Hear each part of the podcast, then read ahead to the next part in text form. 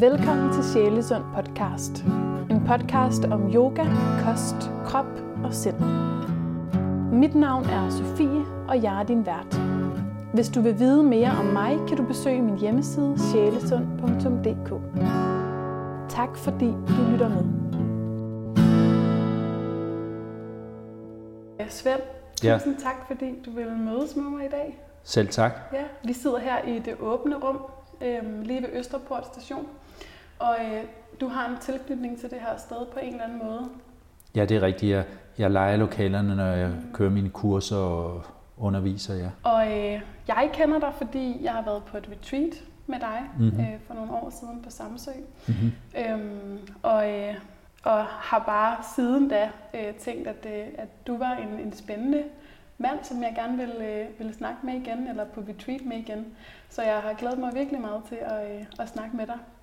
Og øhm, jeg ved, Svend, at, øh, at det her meditation var lidt et opgør med, med hallucinerende stoffer og, øh, og has. Altså du startede lidt, fordi du søgte en modvægt til det. Er det rigtigt?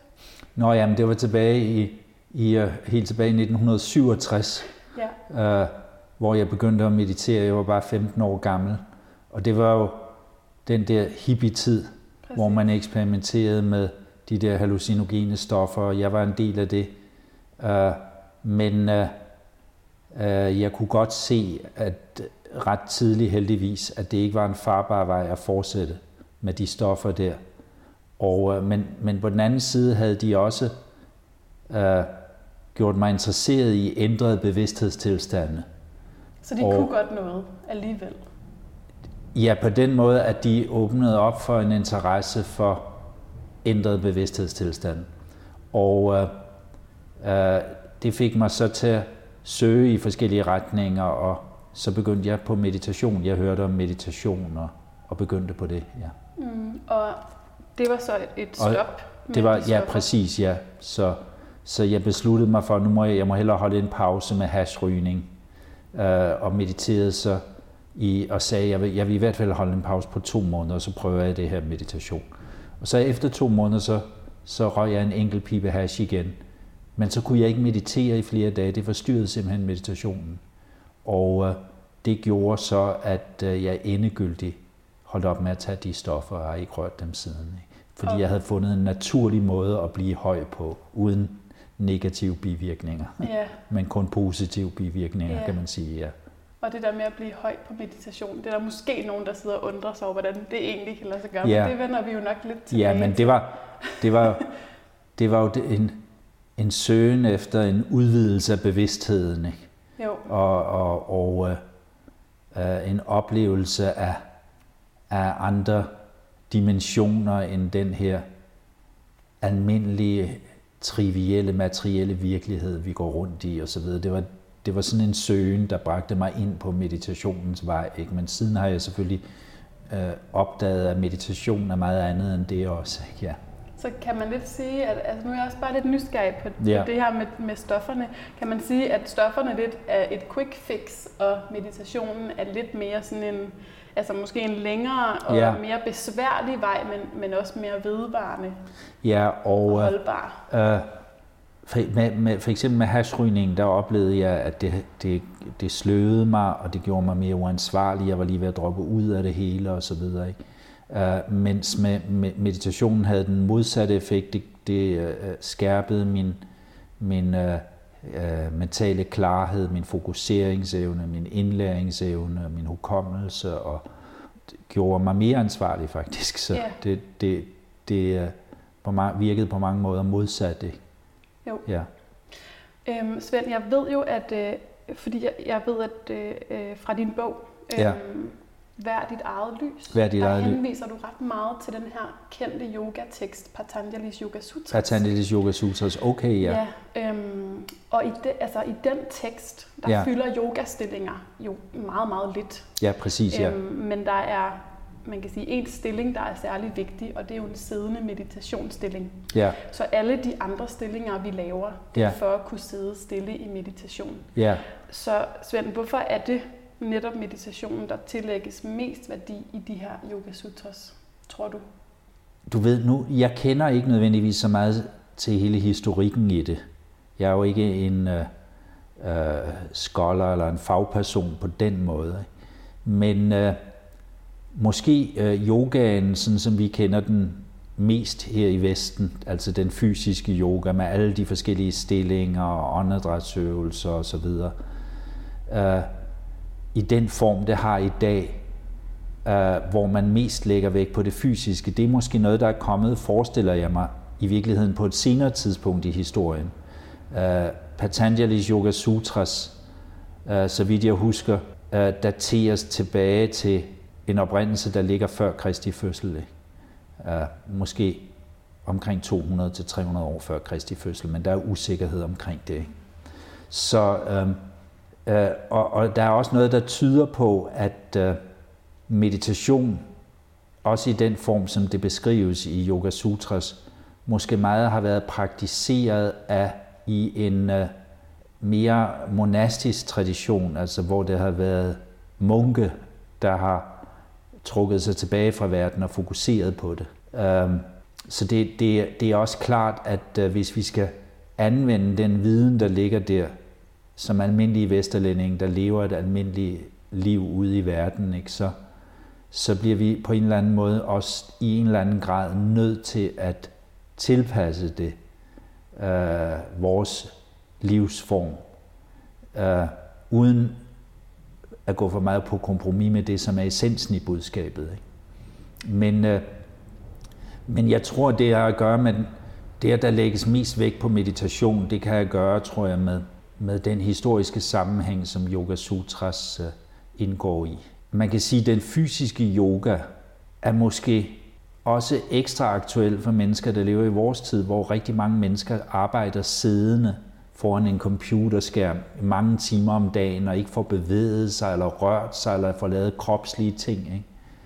Uh, uh, altså det mål at skulle sidde ja. altså i Patanjali's Yoga Sutras, det er måske en lille smule uaktuelt for os, fordi vi sidder så meget.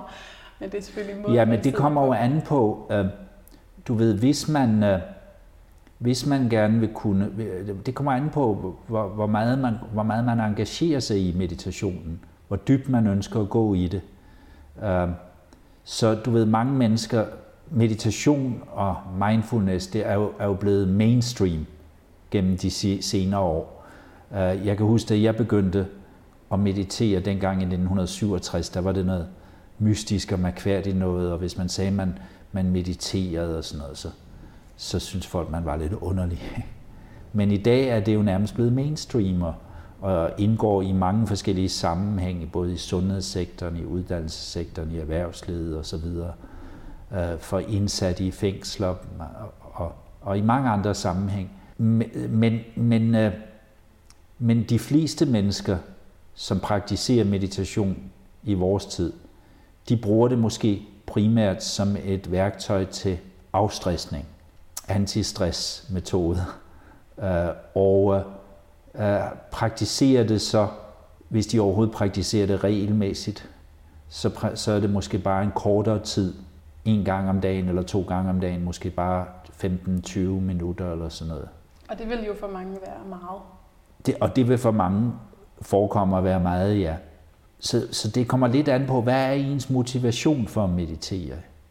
Uh, er, det, er det fordi, man vil bruge det som et redskab til at tage toppen af ens stress, eller, eller øge ens velbefindende generelt, eller, eller er det fordi man ønsker at øh, udvikle højere bevidsthedstilstande, øh, øh, finde ud af, hvem jeg er inderst inde, og sådan nogle ting.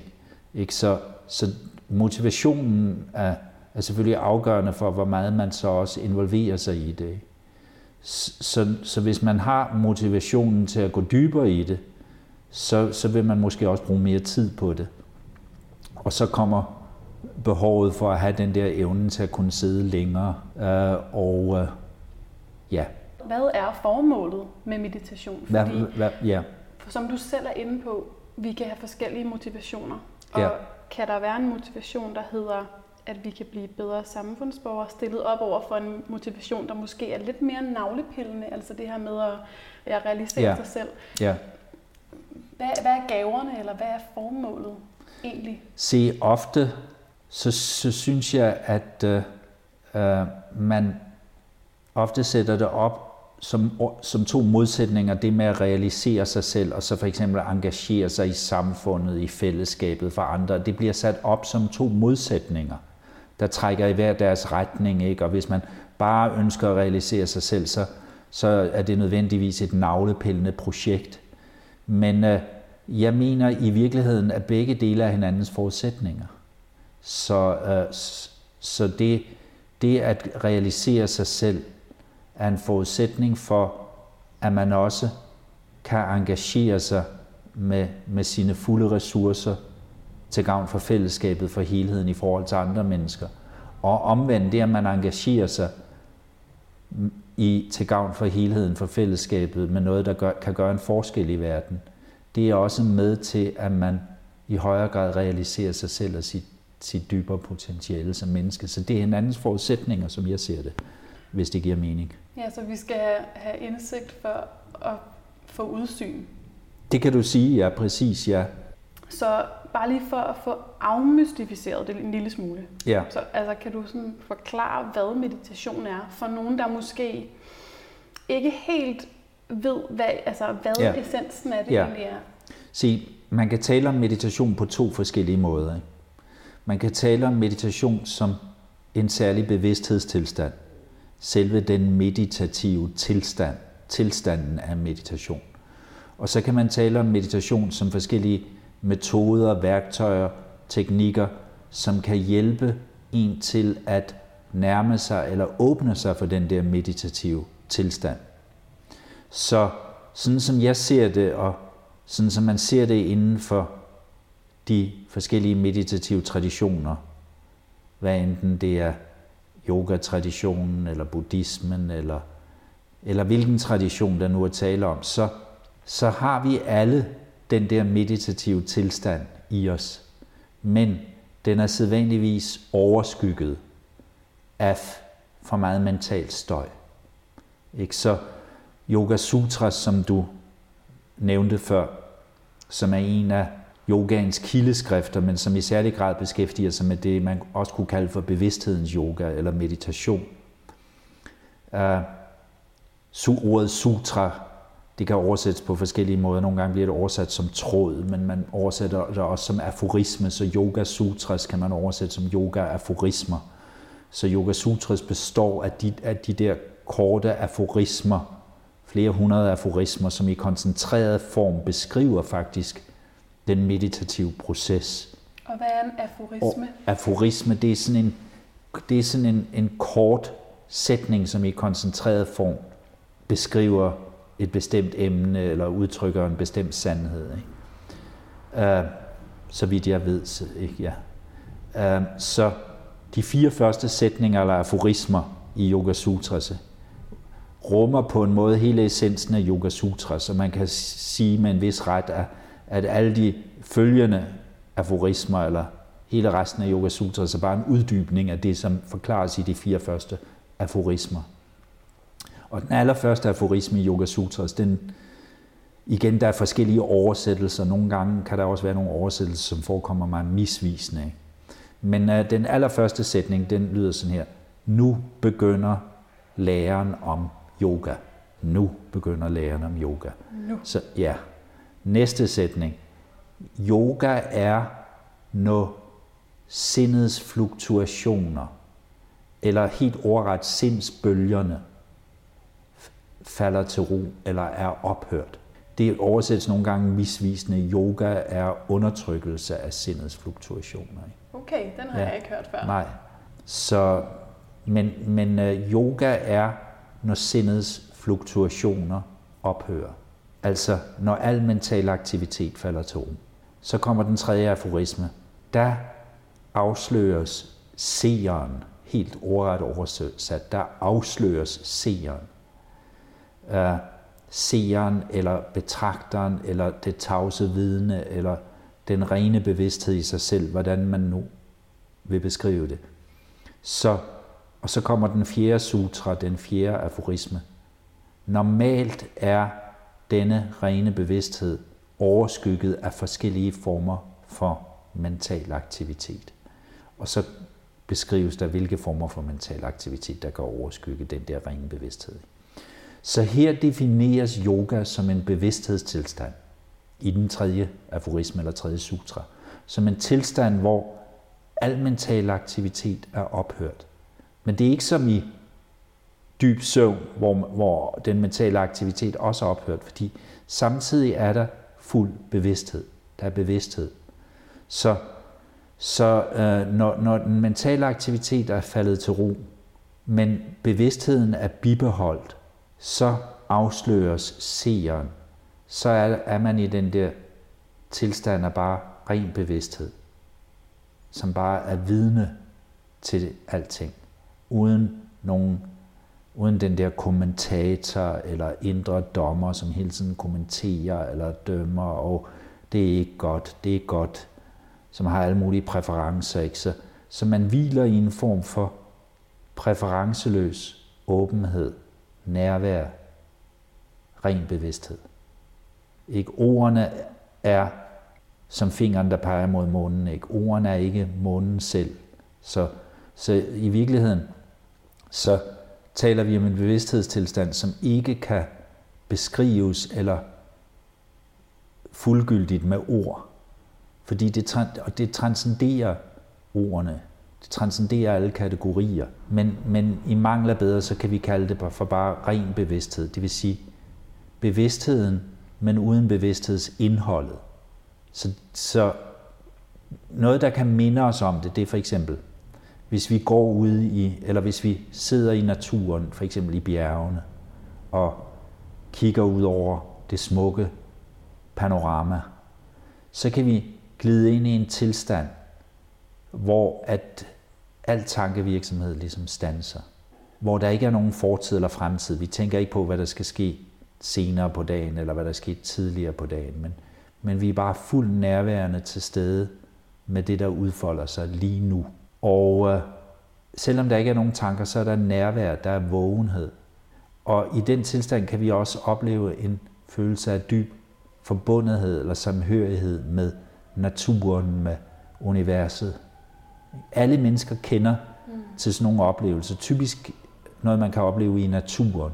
Så alle mennesker kender til det glimtvis, til den der meditative tilstand. Det er noget, vi alle har adgang i. Så det er ikke noget, som skal fremkaldes på ny, men det er noget, som ligger i os, men som vi overser, fordi vores opmærksomhed hele tiden er rettet udad mod objekter herude i den ydre verden gennem sanserne, eller, eller kører ud af forskellige tankespor, eller historier, vi fortæller os selv om os selv, eller andre, eller verden. Så, så vi fortaber os selv. Bevidstheden fortaber sig selv i sit eget indhold. Vi mister os selv i vores eget indhold. Og glemmer, hvem vi egentlig er. Så vi har brug for at genvinde vores erindring ja. om vores egentlige natur. Ikke?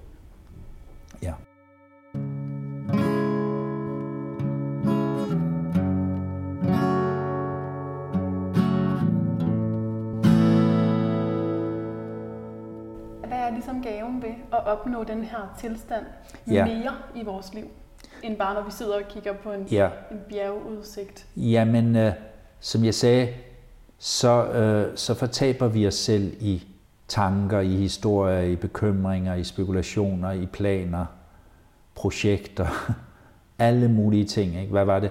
John Lennon sagde, Life is what happens to you while you're busy making other plans.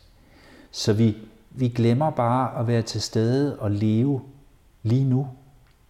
Vi glemmer bare, at vi er så meget oppe i hovedet i den der mentale aktivitet, så vi også nærmest glemmer, at vi har også en krop, vi glemmer at være og, og sanse tingene omkring os. Lad os sige, vi, vi går en tur gennem en smuk park, eller vi går i naturen. Men vi, hvis vi for meget fortaber os bare i al den der konstante mentale aktivitet, grublerier omkring fortiden, hvad der skete tidligere, eller, eller bekymringer om fremtiden og hvordan det skal gå og så videre, så, så, så ender vi ikke. Vi hører ikke fuglesangen. Vi, vi hører ikke vinden susen i trætoppene. Vi ser ikke alle de skønne farver omkring os, eller efterårsbladene, der, fa- der, der falder eller ligger på stien. Ikke? Og så, så, så vi lever i en verden af, af forestillinger og begreber, men har mistet kontakten til virkeligheden, som den er til altings sådanhed.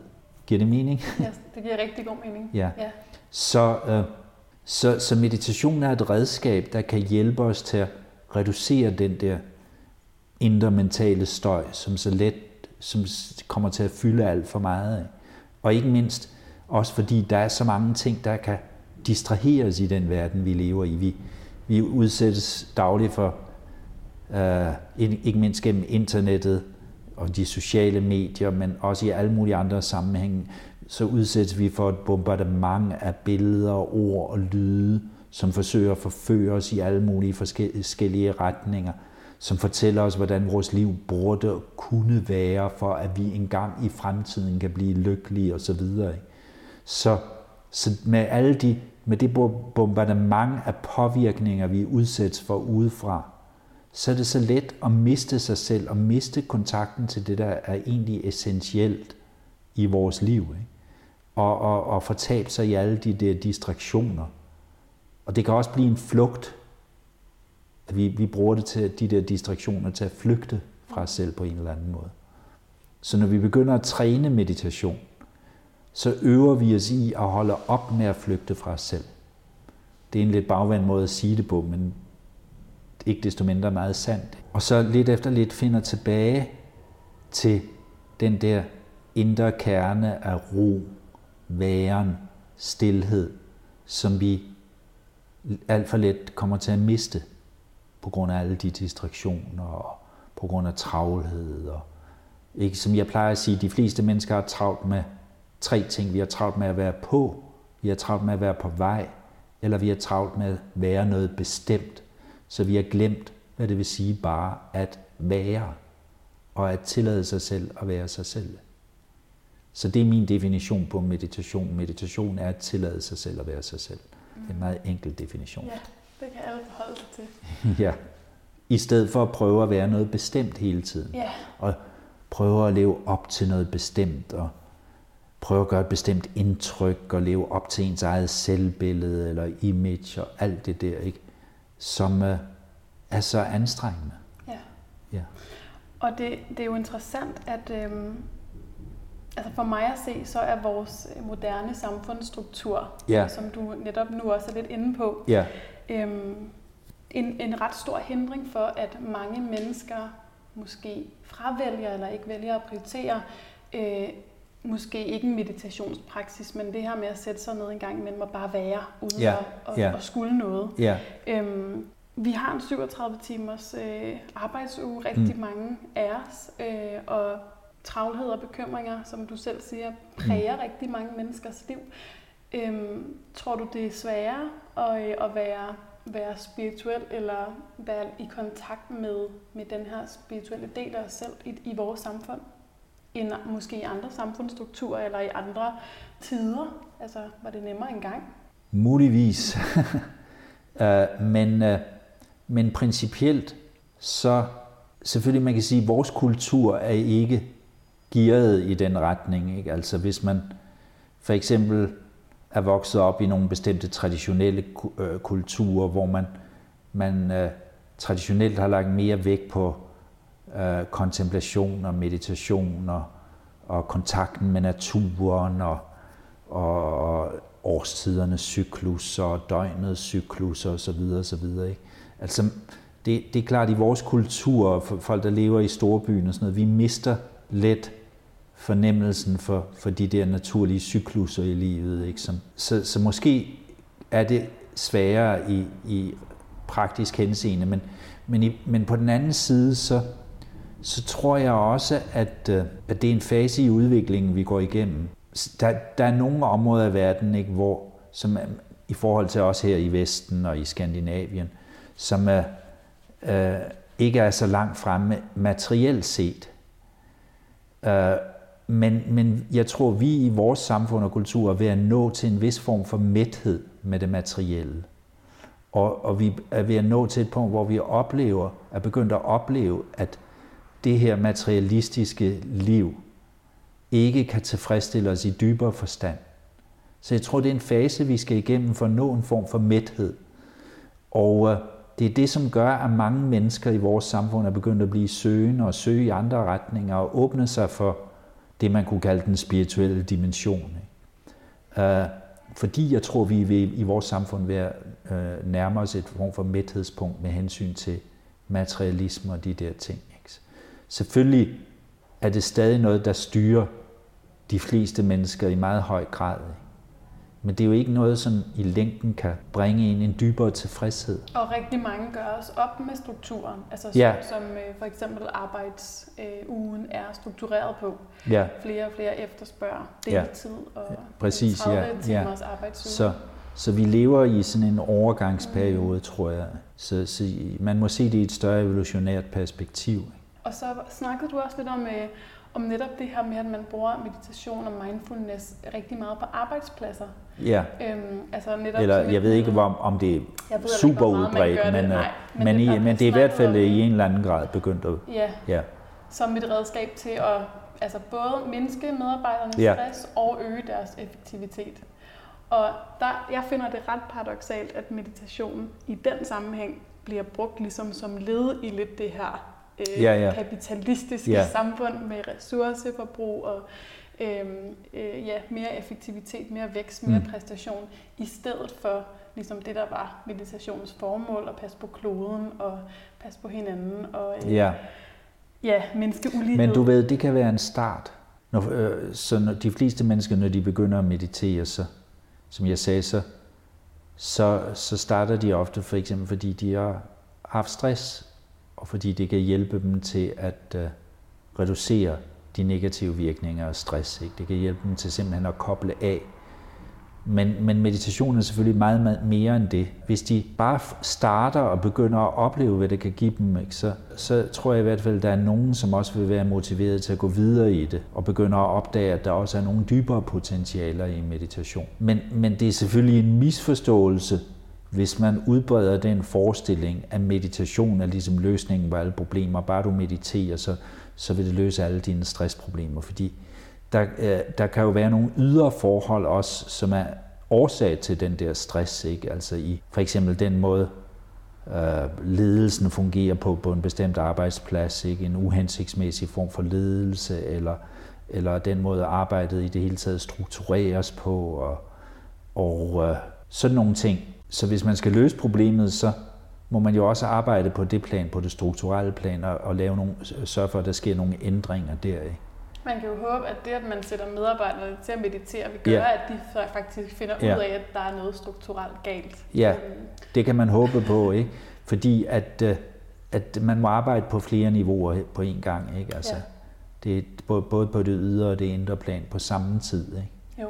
Fordi ellers så, så bliver meditation bare en form for uh, symptomlappeløsning, ikke? som måske lige kan tage toppen af det værste stress, men ikke, ikke i længden løser problemerne. Ikke? Så stress er jo det, at man har evnen til at blive stresset, er jo faktisk en god ting. Så hvis ikke vi havde den evne, så vidste vi ikke, hvor vores grænse var. Så nogle gange så spørger folk mig, Svend, du har mediteret i hver dag i 50 år, så du bliver vel aldrig stresset. Men uh, selvfølgelig kan jeg blive stresset, og det, men det er jo sundt, fordi det, det viser en, hov, her er jeg, nå, er jeg ved at nå en grænse, og det, der er et signal i det. Så, så man skal bare være villig til at lytte. Hvad er det, det signal fortæller mig? Det fortæller mig måske, at jeg burde sige mere nej, at jeg burde uh, påtage mig mindre, at jeg ikke, at den her arbejdssituation ikke er den rigtige for mig, og så videre, og så videre. Ikke? Så, og du ved, hvad, hvad man ens evne til at kåbe udfordringer og vanskelige situationer osv. på arbejdet og i livet generelt, ikke? det er jo individ, meget individuelt. Ikke? Så nogle mennesker kan være mere sensitive, og de har behov for at tage mere vare på sig selv. Ikke? Andre mennesker kan magte mere og så videre. Så, så, så det, der er meget vigtigt, det er, at man også bruger meditationen til at lære at lytte til sig selv og blive opmærksom og lytte til sin egen krop. Fordi sindet kan altid rationalisere hvad som helst, og åh oh, ja, men hvis jeg nu også siger ja til det projekt og så videre, og så, så kan jeg opnå det og alt, hvad ved jeg. Så sindet kan rationalisere hvad som helst, men kroppen lyver aldrig. Ikke? Så, så det at komme tilbage til kroppen og mærke kroppen og lytte til kroppen er meget vigtigt. Ikke? Og hvis man bliver stresset, ikke, så man, bliver man nærmest tvunget til at lytte til kroppen. Ikke? Så, så derfor er stressen en god ting. Mm. Ja, fordi kronisk stress er vel det, der opstår, når man har overhørt de signaler til Præcis, ja, så bliver det til kronisk stress, ja. ja. ja. Og så kan meditationen være et redskab til at ja. begynde at lytte. Ja, præcis, til at begynde at lytte og til at... Øh, men, men, men det er ikke løsningen på alle problemer, ikke? nej. Og så også en anden ting, det er, at øh, du ved, hvis man ser på de gamle tekster, igen Yoga Sutras for eksempel, men også andre tekster inden for yoga-traditionen, Bhagavad Gita og så videre, så lægges der også meget vægt på etiske værdier. Du ved, yamas og niyamas og så videre. Ikke? Jeg, jeg, for, øh, for nogle år siden, så var jeg i Rishikesh i Nordindien, i Rishikesh, som man kan, nogen kalder det for yogaens hovedstad. Jeg var der første gang i 1973. Der var der næsten ingen vesterlændinge. Det er der nok men, nu. Men nu er, er det fyldt med yogaturister. uh, og så er der en masse ashrams og så videre. Men der besøgte jeg så en ashram, den, den må, måske en af de mest berømte uh, ashrams i Rishikesh, Shivananda Ashram. Og jeg snakkede med ashrams overhoved, Vimalananda, en ældre, meget venlig mand. Og han spurgte mig til, hvad, hvad jeg lavede, og jeg fortalte, at jeg blandt andet, at jeg underviste i meditation, og han ønskede mig det bedste i mit arbejde osv. Men så sagde han, men når du underviser, sagde han, så må du også huske at lægge vægt på de etiske værdier. Øh, fordi hvis man mediterer uden at have sin etik i orden, så, så er det som at hælde vand på en hullet spand. Det ryger ud i den anden ende. Øh, ja. Så, så øh, eti, alle de etiske værdier, som også er beskrevet i Yoga Sutra. Så. Ja, de her yamaer, som er ja, ja. nogle retningslinjer. Ja, kan man sige. Ja, discipliner, ja. Og det kan man ikke at skade andre, ikke og så videre, ja. Det kan man slå op, hvis man gerne vil vide ja, mere om det. Ja, men, ja. men det giver rigtig god mening jo. Ja, øh, at, ja. Fordi det er også ligesom nogle forstadier til den meditative tilstand i mm. Yoga Sutras, ja. ikke? at man ligesom skal have de her ting nogenlunde på plads. Ja, præcis, fordi øh, du ved, man kan sige, målet for yoga, det ligger i selve ordet yoga, ikke? Det, øh, som, som betyder, det kan oversættes igen på forskellige måder, men, men det bliver ofte oversat med ordet forening, at, at nå en, en bevidsthedstilstand, øh, hvor, hvor den individuelle bevidsthed øh, åbner sig og bliver et med, med en større universel bevidsthed hvor man så oplever sin dybe forbundethed, samhørighed, enhed med alle andre mennesker, alle levende væsener, hele planeten, hele kosmos. Ikke? Øh, og når man har den der oplevelse og erkendelse af forbundethed med andre, at man ikke bare er et hudindkapslet jeg, et hudindkapslet ego, ja, men, at, ja, men at man at vi alle sammen på et dybere plan tager del i en større fælles bevidsthed, enhedsbevidsthed, eller hvad vi kan kalde det. Når man har den oplevelse, så vil, vil man naturligt handle på en sådan måde, at man ikke bare tænker isoleret på mine behov og hvad er der i det for mig, men, men også hvad, hvad, hvad der er gavnligt for helheden. Øh, så det at, at øh, ære de der etiske værdier om ikke at skade andre, og i stedet for bare hele tiden tænke, hvad ligger der i det for mig, så ændrer det til, okay, hvad kan jeg bidrage med, øh, hvordan kan jeg tjene andre bedst muligt, osv. osv. Øh, det er en, en måde, hvorpå man, man udtrykker den forståelse eller indsigt af, af, at vi er forbundne i praksis, i handling. Og det er klart, hvis man handler modsat kun med egne selviske interesser, kortsigtede selviske interesser for øje, så lukker man på en måde også af for den mulighed for at åbne sig for en højere bevidsthed. Fordi den højere bevidsthed er netop, at man bevæger sig ud over det lille jeg.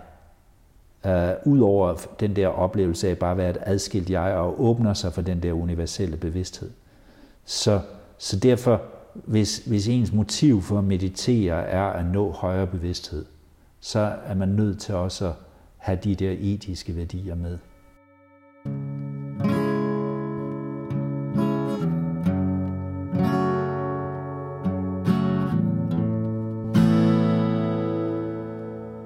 Det får mig også til at tænke på øhm, retreats, Ja. er blevet rigtig, rigtig øh, Ja. populære. Øh, Ja, ja. Og øh, der er det her, det kender du garanteret, Vipassana. Vi passer ja. Ja, øhm, som er, for dem der ikke kender det, et øh, stillhedsretreat, Mhm. mm-hmm. typisk 10 dage, Ja. hvis man ikke har været der før, hvor man så mediterer mange timer hver dag og er i stillhed alle 10 Ja. dage. Ja. Øhm, nu, det er bare i forhold til, øh, der er ligesom, når vi sidder på puden og mediterer, eller Ja. hvor vi nu sidder, og så netop den handling, vi gør ude i verden. Giver Ja. det mening at have de her meget intense forløb, hvor vi faktisk tager os selv lidt ud af, ud af ligningen, altså ud af virkeligheden, øh, og sidder måske og mediterer 10 dage, sådan lidt afskåret, isoleret. Når vi kommer tilbage igen, kan vi så ligesom godt implementere det i vores virkelighed, for det er vel det, der er det væsentlige at gøre. Mm. Ja, klart. Jamen, øh, det at man trækker sig tilbage, nu, nu øh, taler jeg så generelt om det at trække sig tilbage og tage på retreat. Og, og der kan være forskellige former, hvorpå man kan tage på retreat. Altså en, en måde, som du nævner, det er de der vipassana retreats. Men Det, er Der er det, er den, det er den mest intense meditationsretreat, jeg kan. Ja, kan som du kan komme til. til at tænke Ja. på. Ikke? Og for nogen kan det være rigtig gavnligt, mens, øh, mens jeg også har hørt om nogen, som har, har prøvet det, men som, øh, som øh, det har simpelthen været for hårdt for dem, ikke? Altså, som, som måske skulle have startet lidt mere blidt op. Ikke? Altså, hvis de slet ikke har nogen øh, til, eller tilstrækkelig forudgående erfaring med meditation, eller, øh, eller hvis ikke man er i, i rimelig god balance med sig selv og så videre, øh, så, så kan det være for meget at kaste sig ud i, i sådan en intensiv retreat lige fra starten. Ikke? Men fra andre kan det fungere fint. Ikke?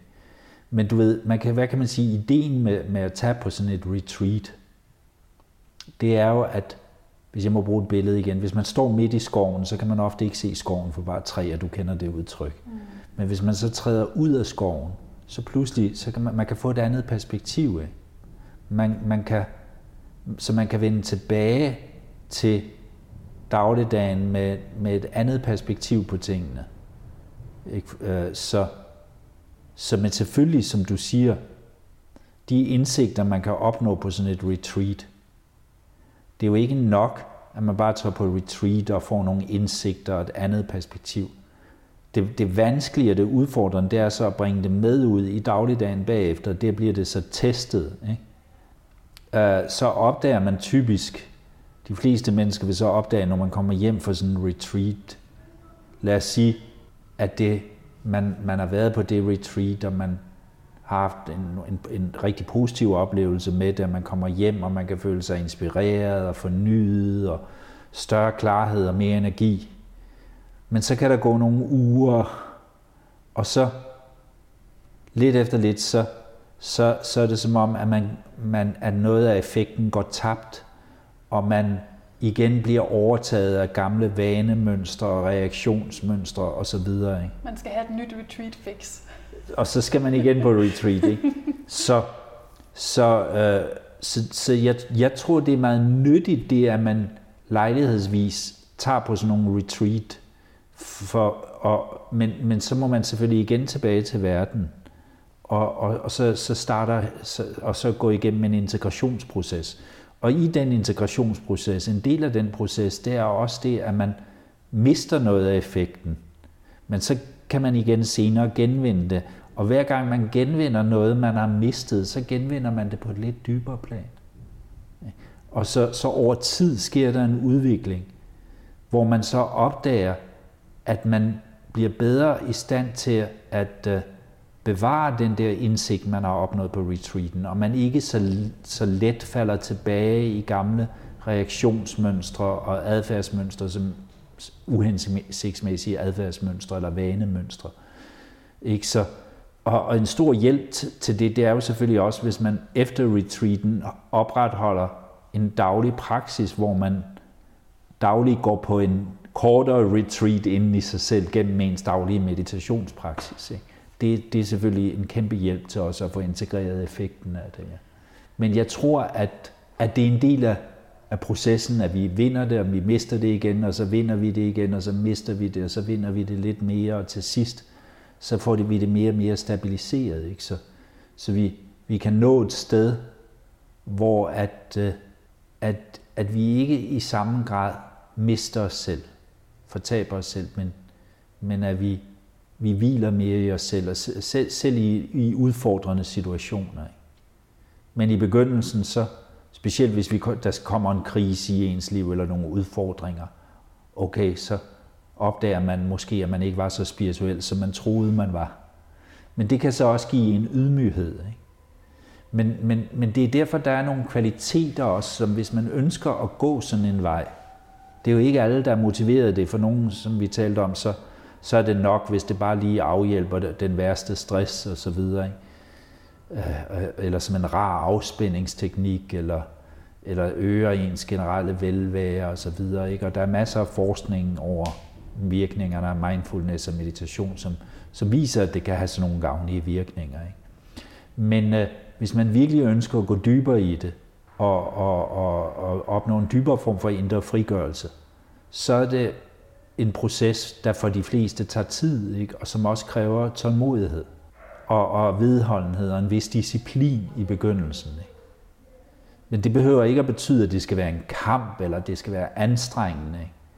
Så, så, så det er også vigtigt, at man finder en, en, en måde at meditere på, en, en, en, en form for spirituel praksis, som, som taler til en, så man kan have en entusiasme og glæde ved det, i stedet for at det skal være en kamp. Ikke? Så det, der kan være et problem nogle gange, det er, altså vi mennesker, vi er jo alle sammen unikke, og vi har hver vores individuelle vej, og, og øh, det, der er rigtigt for den ene, er ikke nødvendigvis rigtigt for den anden, og det, der er rigtigt for et menneske i en bestemt fase af dets liv eller udvikling, på et senere tidspunkt kan det være noget andet, der, der, der er mere rigtigt. Ikke? Så nogle gange, når nogen for eksempel prøver slavisk at følge et bestemt system, ikke fordi inden for den skole, der, der er det den måde, vi gør det på, og det er den bedste måde, og den hurtigste vej, og sikreste vej til højere bevidsthed. Ikke? Og øh, det kan fungere fint for nogen, i hvert fald i en, en, en tid, ikke? og det kan også være nyttigt at prøve at følge sådan en disciplin. Ikke? Men det kan også blive en begrænsning og en kamp, hvis ikke det er noget, man, man føler en naturlig entusiasme for og inspiration i. Ikke? Så, så, så, så, så det bør ikke være en kamp, som jeg ser det. Fordi så ender, ender det med at gøre en mere anspændt og stresset, og det var, det var ikke det, der var meningen. Ikke? Men selvfølgelig er der, er, er der heller ingen grund til at romantisere den spirituelle rejse eller vej, og tro, at det alt sammen er bare rosenrødt og mere lys og så videre og så videre. Ikke? Fordi der er udfordringer på vejen. Og, og en af udfordringerne, det er, eller noget af det, det kræver en, det er også at villigheden til at se sig selv i øjnene og holde op med at flygte fra sig selv. Og også arbejdet med ens egne skyggesider og så videre. Ja, det kunne man sige en masse om. Men anyway, jeg håber, øh, jeg, jeg har glemt, hvad dit spørgsmål var. det har jeg faktisk også, men ja. det gør ingenting. Det er altid godt at komme lidt ud af en tangent. Ja. Øhm, men i forhold til det her med, at det ikke skal være en kamp, Ja. Jeg er jo helt med dig. Ja. Men kan der ikke også bare være noget, noget vanemæssigt i, at vi ikke kommer i gang med at meditere? At vi simpelthen skal have, have gjort det til en god vane? Jamen det er jo klart. Det, det, det er der, disciplinen kommer kamp, ind. Ikke? Øh, det, det er disciplinen kommer ind. Ikke? At, at man simpelthen bare afsætter øh, tiden til det, og prioriterer det, og man simpelthen afsætter tiden til det, gerne et fast tidspunkt hver dag, hvor man mediterer, ikke? og så, så gør det, og så 30 minutter mindre på Facebook hver dag, for eksempel. Ikke? Altså, så, så for igen, der er så mange ting, der kan distrahere os og bringe os væk fra det. Og i starten, så, så vil der også være noget modstand mod det. Og, og der kan være nogle bestemte forventninger, som kan være en hindring. Lad os sige, man, man måske for eksempel har, har man haft nogle oplevelser eller erfaringer i forbindelse med meditation, som, som var føltes helt fantastisk, og man følte sig super høj og nærmest euforisk, og en dyb salig tilstand, fredfyldt tilstand. Og øh, sådan, sådan kan det være nogle gange, men der er ikke to meditationer, der er en så Næste gang man mediterer det måske helt anderledes, og så sidder man med en forventning om, at det skal være på samme måde igen. Og hvis ikke det er på samme måde, så prøver man at anstrenge sig og kæmpe, og så bliver det en kamp. Ikke? Så, så noget af det, som meditation og mindfulness handler om, det er, at vi øver os i at være med det, der er, fra øjeblik til øjeblik, med accept. Så vi mediterer ikke for at opnå bestemte tilstande eller oplevelser. De kan komme, men de går igen. Det er ikke det, der er målet for meditationen. Oplevelser og tilstande er noget, der kommer og går. Uh, men men uh, det er ikke derfor, vi mediterer, men vi mediterer mere for den virkning, det har på hele vores øvrige tilværelse. Det er der testen på det ligger. Ikke? Og der, der er det vigtigt med at kultivere tålmodighed, accept, tage et skridt ad gangen, øve sig i at være med det, der er fra øjeblik til øjeblik med accept, og også forstå, hvordan forholder jeg mig for eksempel til, hvis jeg med tanker under meditationen, eller søvnighed under meditationen, og alle sådan nogle ting. Så, så meget ofte, hvis folk bare måske har lært at meditere ved at lytte til en guided meditation på nettet, eller, eller læse sig til det osv., så, videre, så, så har de måske ikke fået tilstrækkelig ordentlig dybgående vejledning i, hvordan man forholder sig over for alle de ting, der kan dukke op i meditationen. Restløshed for eksempel, og uro, og alle mulige ting, der kommer op på, til overfladen. Men, men det er kun godt, at alt det kommer op til overfladen, fordi når det kommer op til overfladen og, og, og kommer op i bevidsthedens lys, det er kun da, der kan ske en forvandling. Ikke? Så, så, men hvordan forholder man sig i alle de situationer? Så, så det er også vigtigt, at der er ordentlig vejledning i meditationen. Og der må man bruge sin skældnævne og sin intuition, fordi der er jo rigtig mange, der, fordi det nærmest er blevet lidt trendy med meditation og mindfulness, som slår sig ned og begynder at undervise i det, men måske uden selv at have tilstrækkelig dybgående erfaring. Jeg har endda hørt i nogle tilfælde, øh, uden at de selv har en daglig praksis eller regelmæssig praksis med det overhovedet, eller de har måske bare været på et weekendkursus, eller læst en bog af Kabat-Zinn eller noget, og så, så tænker de, okay, det vil jeg undervise i, og de gør det også for at tjene penge, fordi det er blevet populært osv. Men så er det begrænset, hvor dybt deres vejledning kan gå og virkelig hjælpe mennesker. Ikke? Så, så, så for, for, for mennesker, der skal lære at meditere og gerne vil lære at meditere, så er det måske vigtigt, at de lige undersøger tingene ordentligt, inden de kaster sig ud i det, og er sikre på, at de får den, en ordentlig og kvalificeret vejledning. Ikke?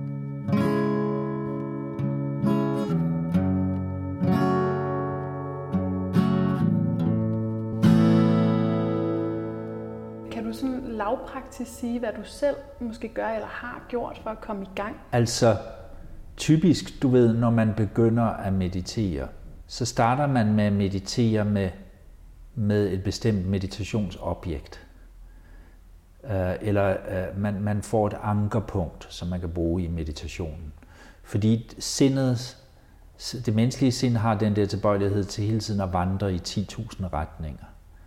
Øh, og vi forbruger en, en masse psykisk energi bare ved en masse ved overflødig tankevirksomhed i virkeligheden. Alle de bekymringer, som, som øh, er, hvis vi ser på alt det, vi har bekymret os for eller frygtet i vores liv, hvor meget er der egentlig sket? Det er måske bare 5 procent, og hvad var så værst? Historierne omkring det, eller selve hændelsen? Ikke? Så, så vi forbruger en masse mental energi ved den der konstante mentale støj. Så det vi har brug for til at starte med, det er at samle det der adspredte sind og, og, og få hjælp til, øh, hvordan, det kan, hvordan vi kan falde til ro, hvordan sindet kan falde til ro. Det er ligesom det første trin i meditationen. Og når, når sindet så bliver mere samlet, så bygges der energi op. Men jo mere adspredt sindet er, jo mere flyver energien i tusind retninger, så mister vi energi.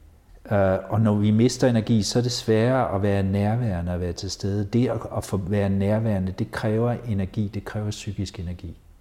Så vi må øve os i at samle opmærksomheden. Komme tilbage til nuet. Så så det er det første skridt i meditation, at vi øver os i hele tiden at bringe opmærksomheden tilbage til, til det her nu. For eksempel opmærksomheden på vejrtrækningen, den naturlige vejrtrækning. Vi trækker altid vejret lige nu. Vi trækker ikke vejret i fortiden eller fremtiden. Så derfor er vejrtrækningen et rigtig godt ankerpunkt for bevidstheden. Bare det at huske vejrtrækningen, mærke vejrtrækningen, det hjælper os til øjeblikkeligt at komme til stede i nuet. Ikke? Så det er, en, det er en meget enkel og basal form for meditation, som, som for, øh, for de fleste mennesker kan, kan være en rigtig stor hjælp. Ikke?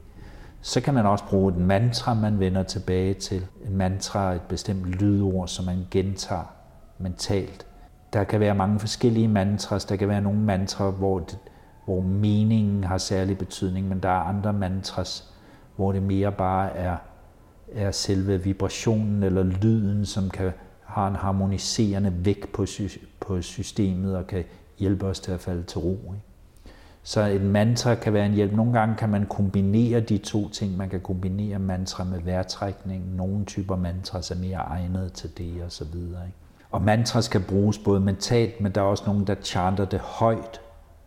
Så til at starte med kan det for nogen være en hjælp at starte med at chante det højt og så videre. Ikke? Så, så der er mange, mange forskellige værktøjer. Ikke? Eller man kan, der er også nogen, der starter med at meditere med åbne øjne og så har fokus på et ydre objekt. Det kan være en blomst, eller et tændt starinlys, eller et hvilket som helst objekt, der, der forekommer behageligt for en. Ikke? Man, kan, man kan også bruge høresansen, at man kan for eksempel være opmærksom på alle lydene.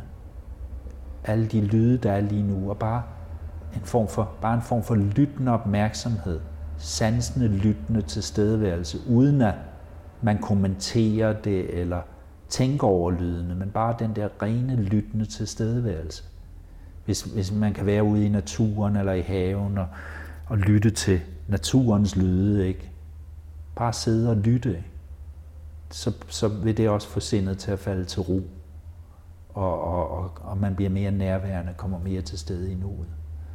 Så i princippet kan man vælge et hvilket som helst meditationsobjekt, som helst skal være sådan behagelig, hvor opmærksomheden kan hvile på, ikke? som støtte for opmærksomheden. Og så lidt efter lidt falder sindet til ro. Og når så sindet er blevet mere samlet og faldet til ro, og der bygget mere energi op, så kan man så en mere videregående form for meditation, der så kan man slippe sit objekt og bare hvile i en form for åben tilstedeværelse eller åben nærvær uden objekt. Bare ren tilstedeværelse, ren væren. Ikke? Og det, det kan man måske kun i begyndelsen gøre i få sekunder ad gangen, ikke? fordi så kommer sindet ind igen, og kommentatoren, ikke? så begynder man måske at kommentere indvendigt på, er jeg nu i det rigtige sted, og så videre, og så videre. Ikke? Ikke? Så, så i begyndelsen, øh, så, så bare det at være i den der form for præferenceløse åbenhed, eller ikke dømmende opmærksomhed, ikke? bare give, det, det, det er bare at give slip på alle præferencer, domme og bare være. Ikke? Det lyder enkelt, og det er i princippet enkelt, men i praksis er det, kan, i begyndelsen lykkes det måske kun nogle få sekunder, men med træning og øvelse, så kan man, øh, så, så, så, så vil de der momenter blive forlænget. Ikke? Og så kan man lidt længere tid ad gangen hvile i en form for åben tilstedeværelse, hvor der godt kan være tanker i, men de, de passerer bare forbi, ligesom trafikken herude på Østbanegade eller S-togene, der kommer og går. Ikke? Man er bare som et tavst vidne til det. Man modsætter sig ikke tankerne. Man prøver heller ikke at forfølge dem. Det, tankernes indhold er ligegyldigt. Det er bare noget, der passerer forbi. Jeg, jeg er bare det tavse vidne. Jeg, jeg har tanker, men jeg er ikke mine tanker. Så man begynder at opdage, at man er noget andet om mere end ens tanker end selve bevidsthedsindholdet. Ellers du kender sikkert den tale, hvor man siger, at vi bliver, hvad vi tænker. Så, så ofte bliver vi fuldstændig identificeret med vores tanker og følelser. Men gennem meditationen begynder vi at opdage, okay, jamen jeg er ikke mine tanker og følelser. Det giver en form for indre frihedsfølelse. Man er ikke i samme grad overskygget af bevidsthedsindholdet, af sit eget psykologiske indhold. Man kan begynde at, at se sine egne neurotiske mønstre, men uden at være identificeret med dem. Og man kan lide af sit eget ego. og, og egoets reaktionsmønstre. Og det er jo først, når vi får bragt alle de her ting op til overfladen, eller som Ja. du så fint siger, Ja. i bevidsthedens lys, at, Ja. at der kan ske en forandring. At der kan ske en forandring, præcis ja, for ellers så styrer det os bare per automatik, så længe det ikke er bragt tilstrækkeligt meget frem i bevidsthedens og nærværets lys. Ikke? Så det er bevidsthed og nærvær, der er nøglen. Ikke? Meditation er ikke bare, handler ikke bare om at falde til ro og spænde af. Det er måske det første trin. Men det, men, men det handler også om at være nærværende, være til stede. Så nogle mennesker kan forveksle meditation bare det at sidde. Man sidder med lukkede øjne, man kan lide ind i sådan en meget behagelig, lidt trangsagtig tilstand. Ikke? Uh, lidt, dø- næsten en form for døs, ikke? og glemmer lidt verden, og oh, så sidder man lidt der. Og, og, og det kan være en meget rar tilstand, og nogen tror, wow, det her det er rigtig dyb meditation. Ikke? Men, men det, det, hvis man for meget prøver at dyrke sådan en tilstand, det trangsagtige, døsende tilstand, så hjælper det ikke en til at blive mere nærværende til stede i dagligdagen. Man kan faktisk gå hen og blive lidt spaced out, ikke? og det er jo ikke det, der er meningen. Så et andet aspekt af meditationen, det er også at, at kultivere nærværet, vågenheden. Ikke? Så der er den der, det ene aspekt, det er den, den hvilen, det hvilende aspekt, afspændingen, og det andet, det er overvågenheden, nærværet. Så balancen mellem de to ting, det skal jo ikke være en opspændt form for overvågenhed, ikke? men en afslappet vågenhed. Ja. Afslappet og vågen på samme tid. Så, så nærmer man sig den meditative tilstand. Hvis man for eksempel lever et liv, hvor man altid lever i overhalingsbanen, ikke får nok søvn, ikke får tilstrækkelig nærende kost, frisk luft, bevæger kroppen osv., så, det er jo, øh, så, så man kan ikke se meditationen løsredet fra hele den måde, man lever sit øvrige liv på. ikke? Så, så man må se det i, i, i hele den kontekst med, hvordan man lever sit øvrige liv på. Fordi hvis, hvis, hvis man lever på den måde, jeg lige beskrev her, så, så vil det også influere på meditationen. Så kan det være svært at opretholde vågenheden i meditationen.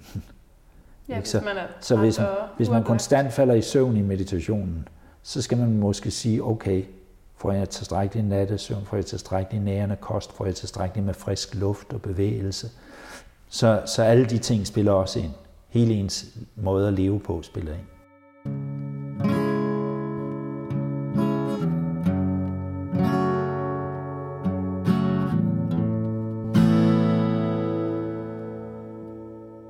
Man, øh, støder jo på meditation i de fleste religioner, Mm-hmm. mm. Ja, også i kristendommen, ja, som en bøn mere. Ikke?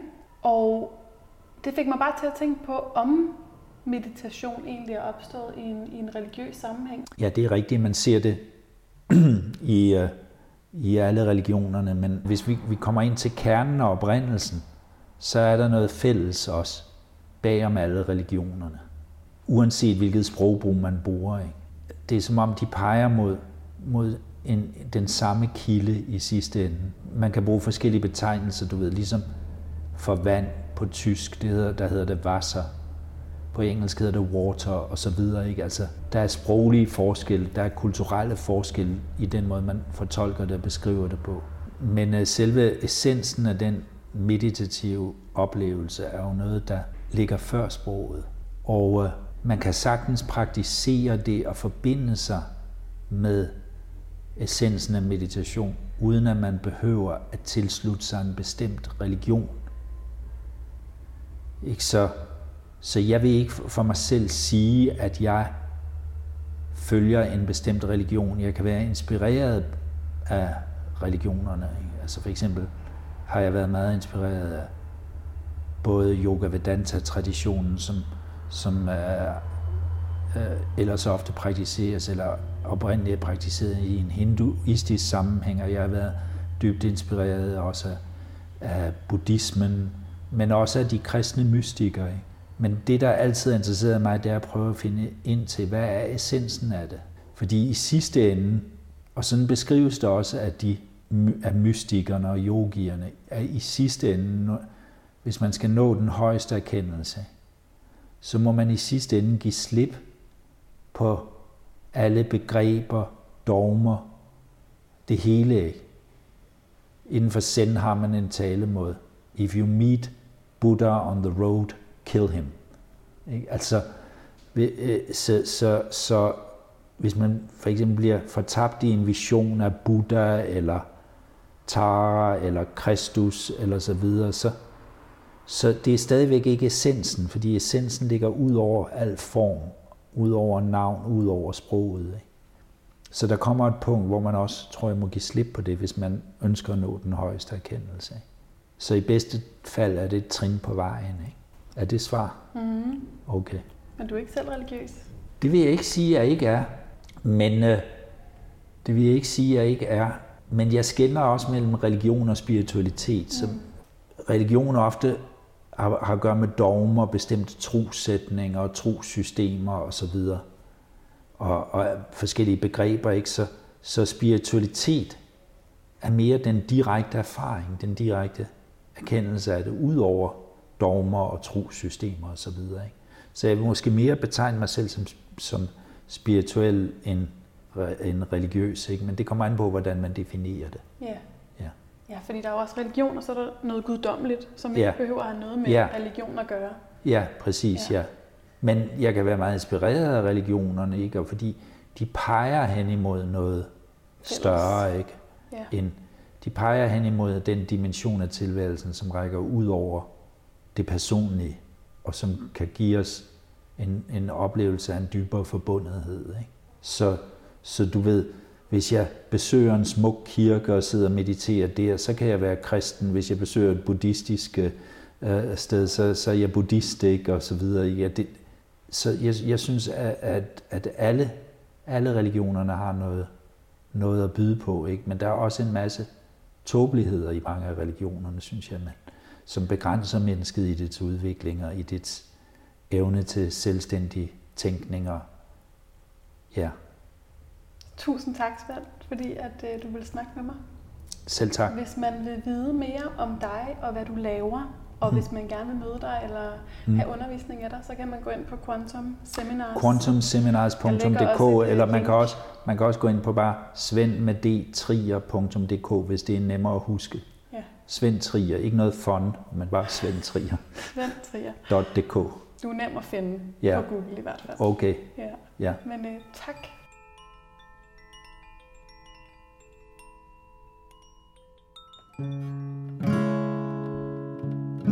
Du har lyttet til Sjælesund podcast. Du kan finde flere afsnit på iTunes, Podimo, Spotify og på min hjemmeside. Du kan også følge med i udgivelser, teasers, behind the scenes og meget mere på Facebook og på Instagram. Tak fordi du lyttede med.